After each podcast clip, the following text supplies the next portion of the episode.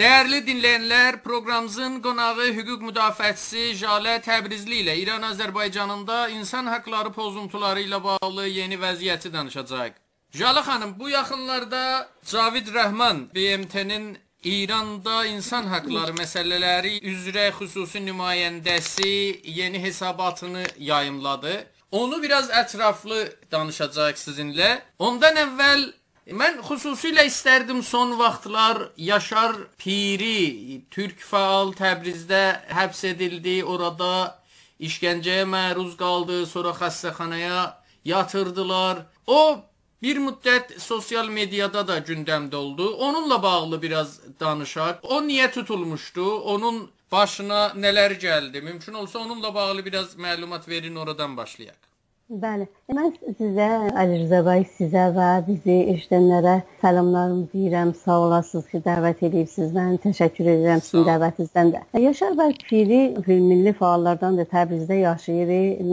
Bu neçə vaxt bundan qabaq, yəni 98-də 26 abanda e, benzin cərəyanında, benzinin bahalaşmasının cərəyanında əmniyyəti qüvvələrinin tərəfindən e, burada iki qardaşlar işlərində və kitabxanada tutuldular. Bunları yəni, Təbrizin e, sipahı bunları 26 gün saxlayıb şikəncə verəndən sonra bunları zindana göt zindana köçürdü. Ondan sonra heç məlum olmadı niyə dübarədən Yaşar Pirini 9 Azərdə oradan zindandan dübarə sipaha apardılar. Bir müddətdən sonra yenə zindana qaytardilər. Bu iki qardaşlar e, nəticədə vəsiqə qoymaqla azad oldular. Amma e, bu e, tazalıqda Yaşar Pirinin e, Zatdas ayın təqribən 3 3 İsfəndidə tazalıqda onu tutuqlandırdılar və və məlum olmadı heç ittiham vurmamaqdan onu zada zindana apardılar. Onun təqribən 5-6 maddədə həmişəki təkin demək olar ölkənin təhlükəsinə qarşı cinayət törətmək və e, bilirsiniz də bu bir seri bir zatlardır ki, həmişə e, təbliğ eləmək e, rejimin əleyhinə, ondan sonra üzv olmaq, dəstəcatlara, qurumlarda üzviyyəti olmaq bu tür bir şeylərə də məhkum elədilər bunu keçən dəfə. Bu demək olar ki, Fərvərdinin 1391-də də yenə e, Yaşar Piri e, Urmic gölünün zadında müdafiə etməyindən onun qurulmasının rabitəsində onda da tutulmuşdu. 3 ay 3 ay həbsə və e, demək olar 30 zərbə şallağa e, məruz qalmışdı. Demək bu e, bunların əsasında amma mən gəlirəm bu taza tutulmasının rabitəsinə ki, İsfəndin 3-də bunu tutulmuşdular. Qüvvələrin, zat əmniyyəti qüvvələrin vəsiləsi ilə tutuqlandırdılar və Yəni təqribən 3 həftə 3 həftə əvvəl, amma siz deyirsiniz bu səfər nə səbəblə tutuldu, o Bəli. onu bilmirik.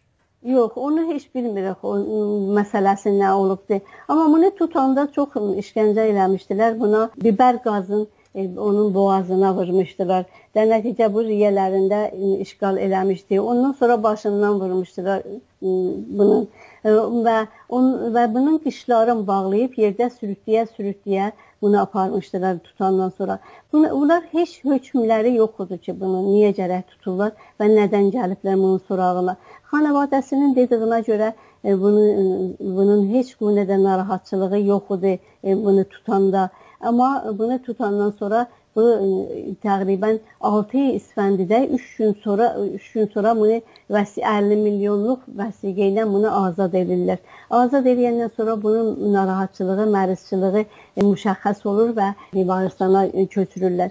Bimaristanda bunu baxırlar, görürlər ki, bunun elə bir ki, börəklərində e, müşkül tapılıbdır, dializ elirlər. E, indi bu məsələdən sonra bunun əksidə ki, görürük, bunun qıçı, qıçına baxanda qışları e, şikəncə, işgəncədən e, yerləri qalıbdır bunun bədənində.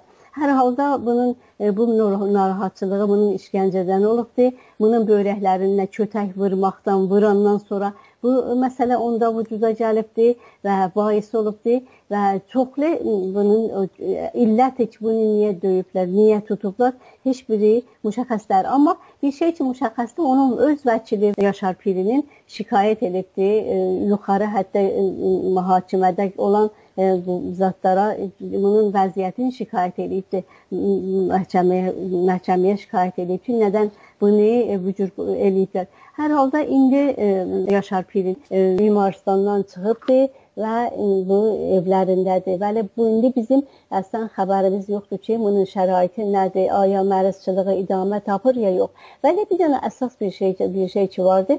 E, bu e, əmniyyəti qüvvələr bu, bu milli fəalları tutandan sonra bunları çox e, əziyyət edirlər, çox vururlar. Nümunəsi biz 90 zadda o Qarabağ zadında etirazlarında 99-da gördük ki, məsələn, e, Ağay Pərviz Siyamını nə, nə cür eləmişdilər. Ağay Pərviz Siyamının e, həqiqətən onun filmi dünyanı dolandı. Onun o şikəncələri, onun o əziyyət olmağı. Ya məsələn, Ağay Xeyricunun məsələn evinə damdan düşmək, getmək, onu xanımısın döymək ki, xanımısının e, əksi də E, var idi ki, necə qolları onlar onun gövərmişdi kötəkdən.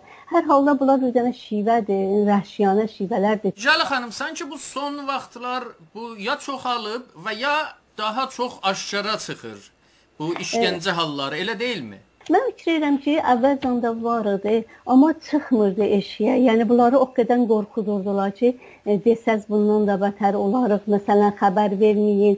Necə ki mən indi sizə işarə edəcəm. Yenə də təzəlikdə necə tutanları hamısını deyiblər ki, xanavadalarına həqiz yoxdur, bizəcə. Bu çıxmırdı eşiyə. İndi çıxırı e, əyanlaşıbdı, yəni çıxırı e, cəmaət ondan danışır, göstərir e, əvvəl bu işləri görmürdülər və mən fikir edirəm ki, əvvəl də var idi. Bir miqdar da bunlar özləri özlərini çox itiriblər. Yəni fikir edirlər bu şikəncələrlə, bu döymələrlə, bu əziyyətlərlə cəmaət susacaq, amma cəmaət susmayacaq. Cəmaət idamə verəcək yolun öz etiqadına, öz inancısına idamə verəcəkdir.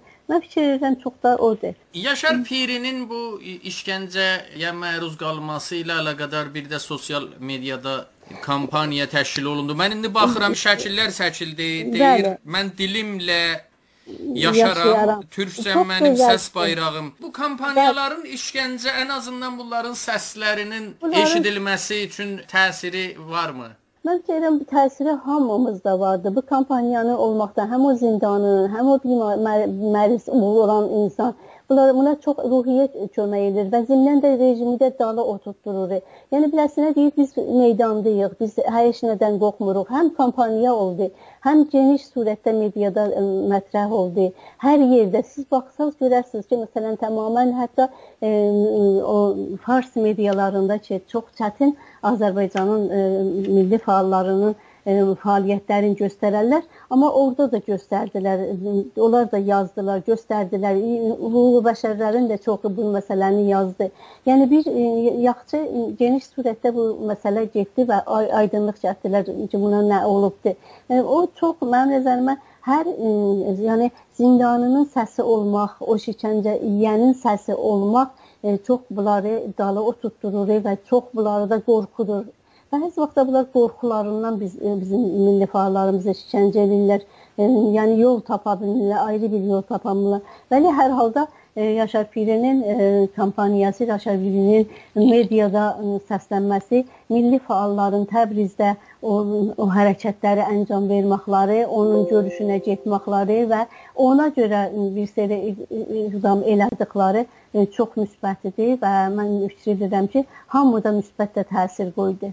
Jale xanım, əgər siz digər fəallarla bağlı, digər məhbuslarla bağlı bir şey demək istəyirsiniz, onları da deyin. Ondan sonra Cavid Rəhmanın hesabatına biz biraz onun haqqında danışaq.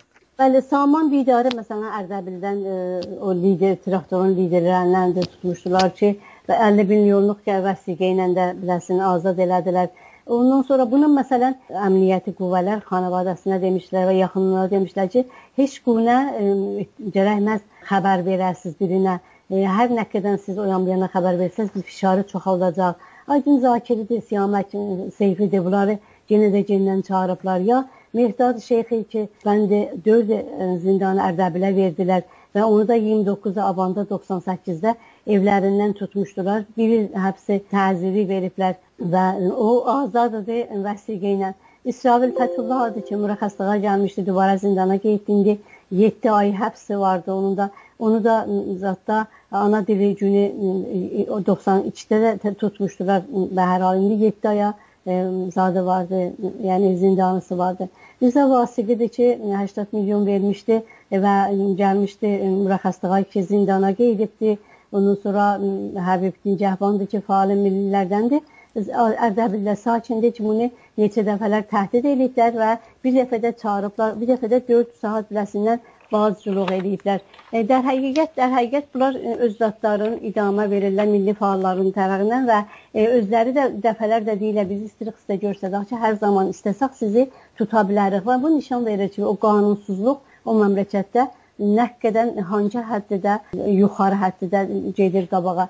Zeynal Tənha idi ki, o da zat Təbrizin e, sakinidir. Ondan da 3 milyon almışlar. Bir də ki, 3 ay zindan Qarabağın rabitəsində. Əli Xeyircudur ki, o da çağırıblar biləsin, bəli hələ dalısı xəbər yoxdur e, və onun da o da bilirsiniz ki, özləri tutmuşdular. O iş şirkəti də yox idi şayət e, o Qarabağ cərəyanında evlərinə düşür tutmuşdular və buna da 4 ay veriblər və 20 zərbə şallaq veriblər.